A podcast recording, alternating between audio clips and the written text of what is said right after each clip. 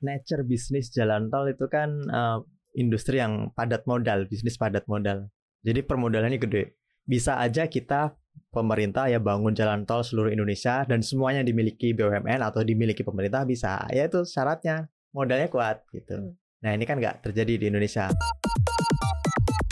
Mungkin ya separuh pertama jalan sejak merdeka ya kita salah tertinggal pembangunan jalan tol kemudian dikebut zamannya Pak Jokowi tapi ada ekses yang kemudian timbul dan harus kita atasi sekarang ini Hmm. yakni uh, utang-utang BUMN karya membengkak.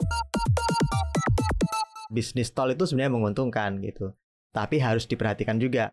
Jangan sampai kanibal. Karena kanibal sama aja. Nah saya khawatirnya tol Hmm. Ulu Jami itu nanti kanibal sama Cipularang. Cipularang misalnya. Atau kanibal dengan uh, kereta cepat, gitu iya kan. bener. Koneksi.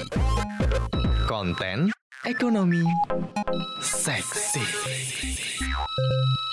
Hai Sobat Cuan, selamat datang di podcast Cuap Cuap Cuan Seperti biasa hari ini hari Rabu ada koneksi konten Ekonomi. Seksi. Iya, kita akan bahas tema yang seksi-seksi bersama Maria Katarina, Head of Research CNBC Indonesia, Arif Gunawan, Mas. Argun, dan juga ada Mas Dede Suprayitno, Halo. produser CNBC Indonesia TV.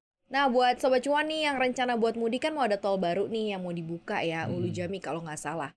Nah, ini masih gratis nih buat nanti selama mudik dan katanya ini eh, Jakarta-Bandung katanya cuma satu jam. Ush, Ya, jadi cepet kayaknya ya. Cepet banget. Lebih Itu motong dari apa ya? Cipularang. iya makanya lebih cepat daripada Cipularang. Tapi kalau kita lihat dari bisnis jalan tol nih ya Mas Dede, Mas Argun, Ya. kayaknya tiap tahun pasti selalu ada ya. Ya. Maksudnya jalan tol tuh eh, entah dibuka, entah mulai dibangun, gitu kayaknya ada. Berarti kan sebenarnya dari sisi bisnis sih prospektif banget sebenarnya. Ya, dalam jangka panjang prospektif. Karena jalan tol itu sama seperti aset dasar infrastruktur lainnya. Kalau Mm-mm. kita bicara infrastruktur dasar kan ada air, ada listrik, energi ya, kemudian ada uh, telekomunikasi dan ya keempatnya uh, transportasi. Jalan lah ya. Tetapi bedanya kalau jalan umum kan ya sudah sering ruwet macet lewat Hmm. pasar kalau Hmm. terutama di Pantura ya pasti Iya. macet gitu. Nah, makanya tol menjadi kebutuhan karena bisa mempersingkat jarak tempuh uh, orang dalam mobilisasi. Nah, di Indonesia ini uh, kita ini kan wilayahnya luas, Ya. tapi tolnya tuh masih terbatas sebenarnya. Jadi kalau kita uh, bahkan jumlah mobilnya juga masih sedikit juga Hmm, sebenarnya hmm, hmm. dan pertumbuhannya sangat-sangat cepat gitu pertumbuhan uh, kepemilikan mobil. Artinya kebutuhan jalan tol pun uh, sebenarnya masih besar gitu. Tetapi kendala dalam membangun tol ada, yakni ah, apa tuh? eh, modal gitu. Karena mahal ya, gede Mahal, banget Mahal biayanya banget ya. dan panjang waktunya ya mas. Yes. makanya tuh kalau kita bahas soal mengenai jalan tol, bisnis jalan tol, kalau eh, imbasnya ke emiten pasti ujung-ujungnya dilihat nanti keuntungannya setelah jalan tolnya dibangun. Padahal kan Iya. di waktu membangunnya juga bisa tiga tahun, habis Mm-mm. itu balik modalnya setelah itu juga cukup Bisa lama. 15 tahun, bisa 20 tahun ya mas. Iya ya. Ada tol yang eh, pembangunannya sampai puluhan tahun dulu eh, Mm-mm. berapa dan itu karena pembebasan lahan. Oh, oh gitu. ya ya ya ya. Ya, problem itu. Dulu kayak misalnya tol eh, Jagorawi itu kan dibangun zaman eh, Bung Karno. Kemudian mau dilanjut sampai ke Depok. Nah, itu kan pembangunnya juga berpuluh-puluh tahun gitu eh, dari rencana awal. Karena kan itu pengembangannya harus disertai akuisisi lahan dan itu yang lama gitu di Indonesia akuisisi lahan. Hmm. Ini beda dari di Cina. Kalau di Cina itu kan mereka tuh negara dengan tol terpanjang di dunia. 70% tol di dunia ini ada di Hmm. Cina gitu. Dan kenapa Negaranya luas banget ya. Luas banget itu dan dia bisa menyambung gede. beberapa daerah berarti ya Mm-mm. di China ya lewat tol. dan mereka itu memang bisa membangun dengan cepat karena Permodalannya modalnya kuat, Kuat. dan kemudian model bikin jalan tolnya itu mereka bangun kemudian dijual ke swasta Mhm. bangun dijual jadi uang hasil penjualannya itu nanti dipakai untuk bangun jalan tol lagi gitu Mhm. Mm-mm. kalau nunggu pemasukan dari jalan tol yang sudah selesai kan pasti lama ya kan pemasukannya berapa gitu dari Hmm. dari tiket masuknya lama puluhan tahun gitu payback Hmm. periodnya kadang Mhm. nah biar cepat ya dijual aja habis ntar duitnya triliunan itu dipakai buat bangun tol selanjutnya Hmm. Berarti bisa jadi oh, jumlah tol yang ada di Indonesia ini nggak semuanya punya masyarakat Indonesia dong. Maksudnya ya nggak nggak semuanya punya Indonesia, Pemerintah. bener gak sih? Eh dijual-jualin. Yang tertarik banyak kan asing. Bener nggak lu Mas Iya, Dede? Menurut informasi. Ya itu dia yang jadi kadang beritanya itu kalau nggak clear eh, jadi miss juga. Wah Indo- pemerintah Indonesia menjual tol ke Mm-mm, asing ya. mm-mm. Padahal kalau diketahui secara konteksnya mungkin Nah. ada tujuan yang lebih eh, profitable dan dan untuk jangka panjang lebih bagus gitu kan. Ya. Seperti tadi eh, ada bangun dijual untuk bangun tol lagi. Nanti dijual lagi. Nanti bangun lagi dijual lagi. bangun lagi dijual lagi kan keuntungannya kita bisa pemakaiannya bisa lebih awal gitu ya Mas ya. Iya, lebih cepat. Maria lebih cepat dan diharapkan eh, mendapat manfaat juga dari pemakaian tol itu. Tapi emang sih. mekanisme bisnisnya memang seperti itu ya Mas? Atau ada cara lain nggak sih eh, yang mungkin bisa dilakukan gitu tanpa menjual kan sebenarnya kepengennya biarin aja gitu biar ini Hmm. jadi jadi pendapatan juga buat eh, negara gitu yang lebih panjang long term. Ya. Jadinya asing aja tertarik gitu. Kenapa nggak jadi akuisisi milik sendiri aja gitu? Ya, nature bisnis jalan tol itu kan eh, industri yang padat modal, bisnis padat modal. Jadi permodalannya gede. Bisa aja kita pemerintah ya bangun jalan tol seluruh Indonesia dan semuanya dimiliki BUMN atau dimiliki pemerintah bisa. Ya itu syaratnya modalnya kuat gitu. Hmm. Nah ini kan nggak terjadi di Indonesia. Maka Hmm. solusi yang bisa diambil apa? Ya libatkan swasta. Nah kalau libatkan swasta full silahkan swasta bangun kalian bersaing. Itu terjadi di negara misalnya Amerika Serikat yang mereka Hmm. kompetisi pasar bebasnya sudah efisien gitu ya Hmm. nggak ada KKN dan sebagainya jadi benar-benar efisien dan eh, pemerintah hanya ngelihat aja gimana perkembangannya oh ini yang menang tender sudah jalan dan yang menang tender itu punya dana sendiri swastanya di sana juga modalnya kuat. Mhm. dan kemudian mereka payback periodnya lebih cepat karena mereka tahu tarifnya bisa menguntungkan. Ya, karena ya, warga ya, di sana pemasukannya juga tinggi negara maju. Mhm. di Indonesia apakah bisa? Agak susah juga karena Mhm. swasta kalau disuruh ke depan eh, mereka biasanya kebentur pada masalah lan eh, lahan. Land acquisitionnya tuh lama dan mahal jelimet di Indonesia. Mhm. tiba-tiba mau bangun tol di satu tempat tahu-tahu ada eh, LSM bermunculan di situ ya kan tiba-tiba Mhm. udah dimiliki bos-bos di mana kayak gitu nah itu yang susah yang bisa atau memiliki expertise untuk melakukan pembebasan lahan secara efisien memang BUMN Mhm. Iya. Mhm. Sampai banyak ya Mas foto viral Iya. yang di jalan tol tengah-tengahnya ada rumah. Iya Jadi akhirnya harus muterin daerah yang belum Iya, bisa ada yang kayak gitu, Mas. Ada. Heeh. Ada yang saking Sampai se ekstrim itu. sampai se ekstrim itu. Jadi pembebasan lahan memang salah satu yang paling susah paling susah sih di jalan tol ini. Tapi kalau dilihat dari bicara roadmap perencanaan eh, dalam pembangunan jalan tol, sebenarnya Indonesia udah termasuk yang cukup rapih atau enggak sih? Atau yang Ya. cukup ter apa ya terencana nggak sih? Kan kalau misalnya ada rencananya ada planningnya harusnya ya jangan ya belum ada perumahan di situ gitu tidak Hmm. jadi perumahan kan memang agak Ya. susah kan apa namanya melakukan dealing eh, untuk pembebasan lahan untuk istilahnya eh, memindahkan gitu ya walaupun dengan Hmm. sejumlah uang atau apa kan memang agak repot gitu ya. apa mungkin ada perencanaan jalan tol kita yang memang belum belum rapih gitu tata perencanaannya Indonesia ini sebenarnya tertinggal kalau kita bicara soal pembangunan jalan tol, infrastruktur kita tertinggal ya. Selama uh, Orde Baru itu kan jalan tol yang uh, dibangun selama 40 40 50 tahun itu hanya 700-an kilometer Hmm, selama hmm. zamannya Pak Harto. Lama berarti banget. berapa puluh tahun tuh ya Ya. Dan itu ya hanya terpusat terpusat di Jawa saja Mm, mm, gitu. Jadi ya memang kita tertinggal. Tetapi kemudian Pak Jokowi ketika menjabat, dia pingin me- apa ya menutup kekurangan kita itu dengan melangkah lebih cepat karena Mm-mm. kita nggak boleh ketinggalan dengan negara lain. Negara lain tolnya udah di mana-mana, mungkin udah sampai eh, 50% dari apa namanya jaringan transportasinya gitu udah di dilewati tol. Sementara kita belum. Itu kan kalau misalnya kita belum punya tol, maka eh, mobilitas itu jadi terhambat, logistik jadi Mm. terhambat. Nah, itu jadi daya saing kita Iya benar benar tertekan. Nah, Pak Jokowi ingin mengatasi itu dengan cara cepat. Mhm. Makanya dikerahkanlah itu BUMN karya.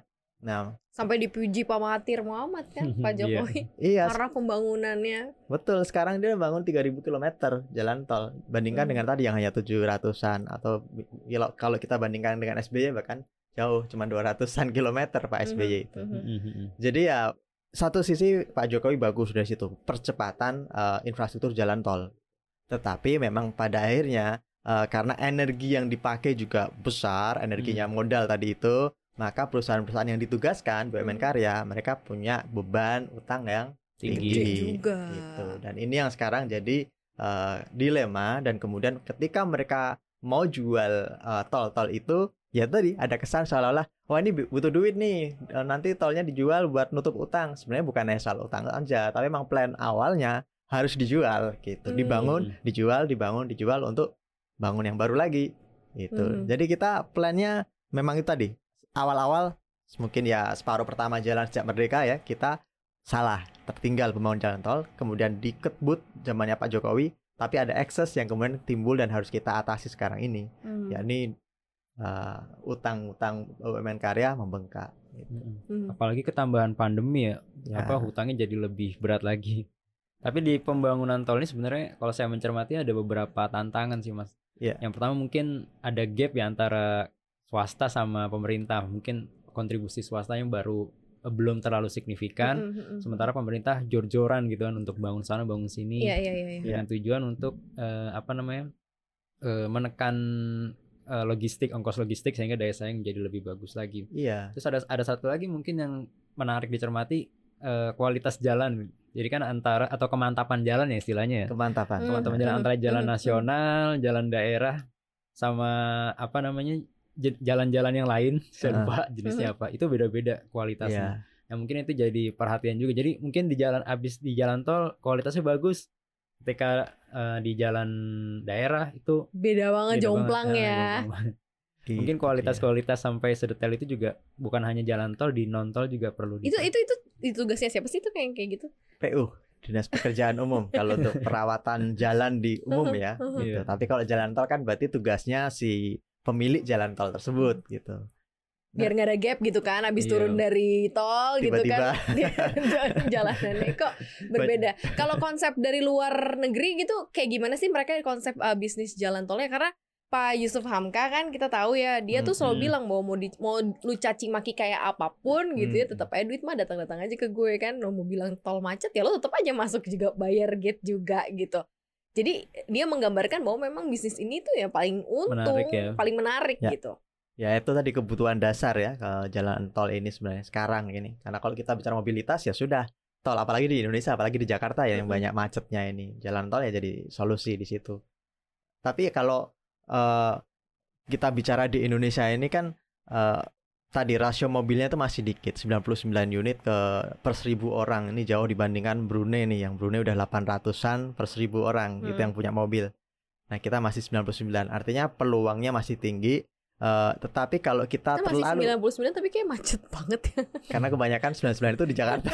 semua ini kayak gue ngerasa udah padat banget gitu loh tapi ternyata rasionya masih kecil ya Masih Mungkin karena kecil. luas negaranya juga luas kali ya. Luas Iya, dan iya. populasinya Dibanding banyak. Brunei gitu. gitu. Jadi kalau di rata-rata ya ya gitu, memang Iya. kelihatannya kecil. Eh, tetapi ya itu kecilnya terpusat gitu di Jakarta, di Jawa terutama atau Hmm. Sumatera, kota-kota besar di luar Jawa gitu. Dan ini yang kemudian bikin ada disparitas eh, apa namanya kebutuhan eh, pengangkutan orang, mobilitas Hmm, orang. hmm. Jadi yang yang banyak naik mobil dan eh, intensitasnya tinggi itu ya di kota-kota terutama di Jakarta gitu. Iya. Sementara di daerah-daerah yang potensi ekonominya besar ya kalau kita bicara sawit misalnya itu kan ada daerah-daerah Mm-mm. mereka belum tersentuh tol gitu. Mm-mm. Sementara kalau kita bicara siapa okupansinya nanti belum setinggi di Jakarta karena Iya. pemilik mobilnya di sana masih sedikit Mhm. gitu. Nah, ini ketimbangan ini saya pikir juga harus dibantu sama pelaku usaha swasta. Misalnya, kalau kita bicara properti, pengusaha properti ini kan selalu dia kalau jualan di brosurnya eh, beli sekarang nanti lima tahun lagi tol. akan ada tol ya Iya, kan gitu. iya. Jadi dia nunggu pemerintah untuk memberikan itu ya eh, roadmap untuk pembangunan jalan tol di situ. Kenapa dia tidak bangun sendiri gitu? Nah ini Oh, pertanyaannya. oke. Atau kenapa dia tidak mengajukan ke pemerintah dan melakukan kerjasama untuk pembangunan dengan BUMN karya itu? Mhm. Itu salah satu Mhm. contoh. Properti harus dilibatkan. Karena itu bisa menjual aset mereka sendiri kan yang Benar dijual banget, di, benar banget. di Iya. daerah-daerah mereka. Hmm. Itu pertama. Kemudian yang kedua, yaitu di kawasan-kawasan industri yang potensial yang mau dibangun di luar Jawa yang belum ada tol. Nah, Mhm. mereka juga harus mulai memikirkan itu. Kita juga harus mulai mengembangkan tol gitu. Kenapa? Karena kalau udah ada tol ya sudah, kita konektivitasnya jadi lebih gampang, lebih bagus, lebih Mhm. efisien. Dan ini sudah terjadi di Pertamina Rosneft di Tuban. Mhm. Mereka lagi bangun kan itu kilang salah satu terbesar di Asia Tenggara, kilang minyak yang nanti juga produksi petrokimia, plastik dan kawan-kawan. Nah, itu mereka juga mau bangun tol gitu. Mhm. Ini inisiatif yang bagus dan harus didorong di seluruh daerah gitu. Mm. Jadi juga jangan hanya BUMN karya yang disuruh maju, tapi juga harus ada yang inisiatif dari swasta, Swasta. untuk ya kerjasama. Jadi ada burden sharing di situ gitu. Nah, burden sharing itu tuh ya kalimatnya paling pas ya. ya mungkin dari itu apa ya komitmen politik itu juga penting juga ya mas ya karena bisa jadi eh, apa mungkin saja eh, pembangunan tol itu jadi salah satu syarat kalau investor mau masuk. Oh, gue harus ada akses eh, transportasi yang bagus nih. Kalau enggak, Iya. gue akan susah nih bangun Iya, iya, investasi iya. di sini. Jadi kayak telur dan ayam loh. betul. betul. Jadi kalau misalnya apa invest investornya sudah berkomitmen untuk membangun investasi, tapi nggak ada keinginan pemerintah untuk membangun akses tol atau Mhm. membantu eh, lewat regulasi misalnya, itu Iya. juga akan susah sih. Saya rasa Iya. dari sisi politiknya itu juga penting juga. tingkat penggunaan masyarakat Iya. kita terhadap jalan tol sendiri seperti apa sih Mas? Ada nggak sih datanya? Maksudnya kalau di luar negeri kan mereka memang menggunakan uh, jalan bebas hambatan atau jalan Iya. tol itu sebagai salah satu memang jalanan yang dilewati. Kalau di Indonesia kan ada banyak pilihan nih sebenarnya mau Ya. lewat jalan tol, mau enggak. Karena kalau jalan tol kan ada ada cost juga yang harus dikeluarkan dan beberapa ruas jalan tol itu kan harganya juga lumayan dan ada kenaikan juga gitu biasanya setiap tahun yang mungkin tidak terlalu affordable untuk masyarakat mungkin ya sebagian ya. besar yang menggunakan akses. Ya kalau penelitian seluruh Indonesia sih eh, saya belum menemukan ya BPS Mhm. juga belum pernah merilis okupansi jalan tol di seluruh Indonesia seperti apa. Tapi eh, ada contoh misalnya yang dirilis beberapa perusahaan pembangun atau pengembangan jalan tol itu Utama Karya misalnya dia bilang di tol Trans Sumatera itu okupansinya, okupansi itu keterpakaian ya Hmm. orang masuk make itu 80% gitu. Hmm, Jadi ya itu salah satu yang yang yang eh, saya pikir bagus gitu. Ada potensi dia menyerap eh, apa namanya eh, pengguna pengguna jalan tol yang ada di situ potensinya misalnya ada 100 ribu mobil taruhlah. hmm. Nah dia menghitung ternyata dalam satu bulan gitu atau Hmm, hmm, dalam hmm, periode tertentu 80 persennya sudah memakai di situ udah bolak-balik. Nah ini saya pikir memang mengkonfirmasi tadi Pak siapa Yusuf ya Pak Yusuf bahwa Maka. bisnis tol itu sebenarnya menguntungkan gitu. Tapi harus diperhatikan juga jangan sampai kanibal karena kanibal sama aja. Nah, saya khawatirnya tol Mhm. Ulu Jami itu nanti kanibal sama Cipularang. Cipularang misalnya atau kanibal dengan eh, kereta cepat, gitu iya kan. bener. Jadi udah ada kereta Satu cepat. jam kan? Kereta cepat Satu berapa jam? Eh, 30 menit. nggak tahu deh itu sem- semi cepat soalnya. Tadinya mau jadi kereta cepat tapi kan dikurangi kecepatannya. Kecepatannya. Eh di tol juga nggak boleh cepet-cepet sekarang katanya. itu dia. 100 km per jam doang. Dan sementara bagi pengendara yang ini cukup cukup mengganggu gak sih kalau misalnya ada peraturan ini bagi pengguna ya? Karena Ya. katanya kalau 100 km di jalan tol tuh bikin malah bikin ngantuk katanya karena masih terkesan lambat. Masih lambat malah ya, bukan terkesan lambat ya. Nggak- kalau saya sendiri kalau di- untuk pengguna. Iya, kalau saya sendiri di jalan kan di tol ya 100 kilo mah ya apa ya mantuk emang. Eh, Oh gitu. Kalau emang jalannya lancar 100 kilo tuh kesannya ya jadi lambat. Kita kayak ngapain ini gitu. Tetapi memang saya ngelihat kebijakan ini ada ada ininya juga, ada sasarannya juga tujuannya. Jadi tol kita itu kan kebanyakan bukan em, tol yang dilapis tadi apa itu eh, aspal ya. Hmm. Jadi Soal kemantapan ini tadi ya masuknya. kemantapan ya. Kemantapan jalan ya. Jadi kayak tol yang hanya eh, apa namanya sih? Kayak eh, beton doang, Mm-mm, Nggak di aspal nggak gitu. di aspal. Hmm. Nah, ap- kenapa ini berbahaya kalau kita ngebut di beton itu? Itu ternyata eh, kalau kita ngerem itu efektivitasnya jadi berkurang. Jadi Oh. kalau pakai jalan aspal, kita ngerem misalnya perkiraan 10 meter itu bisa berhenti. Nah, kalau di jalan beton saja itu kita ngerem ya bisa 15 meter gitu baru berhenti Hmm. total.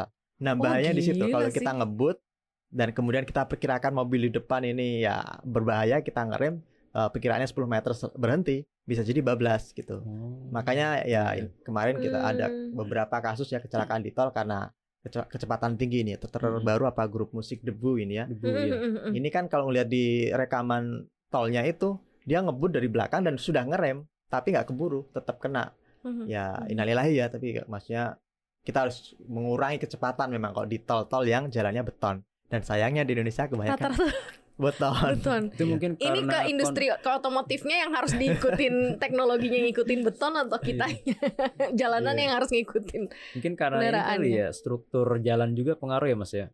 Kira-kira beton tuh kayaknya lebih cocok untuk tanah yang labil ya nggak sih Mas? Karena Oh iya, betul. kalau di Hmm. pegunungan tuh di puncak-puncak tuh jarang jarang yang aspal karena kalau aspal tuh biasanya Ambles. ambles. Ya. Kalau beton tuh kayaknya lebih Kuat. bisa nahan sih. Mm-mm. Kalau apa mungkin Lebih murah nggak sih? Makanya kenapa sekarang pakai kali beton semua? Dari biaya. Ya sebenarnya lebih mahal. Harusnya lebih mahal ya. Lebih mahal karena kalau Hmm. Eh, nggak pakai beton kan tinggal pengerasan saja, habis itu baru dikasih eh, pasir, ke, ke batu, kemudian di aspal gitu kan. Sudah jalan. Tapi kalau di beton dulu kan ber- berarti harus ada kok bikin betonnya itu konkretnya itu yang mahal itu. Hmm. Tetapi ya itu mungkin belum selesai sampai dikasih pelapis atasnya. dan itu yang Hmm. mahal itu aspalnya itu mungkin ya. Ini Jadi buat kenapa? sobat cuan sih. Kalau misalnya lo melihat akan seperti apa sih prospek uh, bisnis uh, jalan tol? Mhm. Bisa nggak sih mungkin Indonesia nanti memutus mata rantai membangun dan menjual? Artinya ya nanti membangun dan digunakan a lifetime buat uh, Indonesia sendiri gitu tanpa harus menjual. Bisa nggak sih kita kayak gitu? Kalau kita sudah mencapai titik eh, jenuh ya eh, jalan tol, saya pikir mah harus berhenti gitu. Artinya yang mengembangkan jalan tol pun sudah tidak perlu lagi menjual. Dia bisa sampai ibaratnya hari tua gitu menikmati pemasukan yang ada gitu Mhm. dari aset yang Mhm. sudah dia bangun, nggak perlu dia jual lagi gitu. Mhm. Karena buat buat apa? Karena dia mau bangun di mana lagi Iya. kan gitu. Eh, tapi kalau saya melihat juga sekarang Kementerian BUMN itu juga sudah mulai mengerem. Kemarin kan Pak Erick Thohir kan ada berita dia bilang eh, ya sekarang yang pro- yang tol-tol ini harus mulai dikurangi ininya. Mungkin dia udah ngelihat bebannya sudah terlalu tinggi saat Mm-mm. ini gitu. Oke, kalau dari lu mas? Ya se- sependapat sih sama Mas Argun ya. Mungkin untuk saat ini belum bisa karena proses pengembangan ini masih panjang lah jalannya. Apalagi selama ini eh, pembangunan tol ini masih banyak terfokus di Jawa sama Sumatera yang Mhm. masih banyak daerah lain yang sebenarnya potensial juga untuk dikembangkan. Terus kawasan industri juga bisa dikembangkan di daerah lain. Apalagi nanti ada ibu kota baru, mungkin eh, akses tol di sana akan lebih masif lagi. Dan saya Mhm. rasa ya mungkin saat ini kita masih butuh peran swasta ya, karena masih ada gap juga Yes. yes. antara apa namanya swasta dan pemerintah dalam hal pembangunan jalan tol. Mhm. gitu. Ya gitulah sobat cuan. Namanya juga jalan tol ya jalan bebas hambatan. Pembangunannya harusnya jangan terhambat gitu ya. Harus tetap dibangun harus tetap uh, menjadi salah satu apa ya jembatan lah ujungnya nanti dengan arus uh, distribusi juga gitu ya. Dan untuk uh, infrastruktur ke depannya ya salah satunya adalah uh, jalan tol itu. Gitu deh sobat cuan thank you banget Halo. kita udah ngobrol hari ini seru banget jangan lupa dengerin Ya. kita di mana aja Mas Dede Di Google Podcast, Apple Podcast, Spotify dan Anchor. Dan jangan lupa untuk follow akun Instagram kita juga di @cuap underscore cuan. Jangan lupa untuk subscribe YouTube channel kita juga di cuap cuap cuan. Like, share, dan komen sebanyak-banyaknya. Dan jangan lupa ya Sobat Cuan, podcast kita hari ini juga tayang di CNBC Indonesia TV.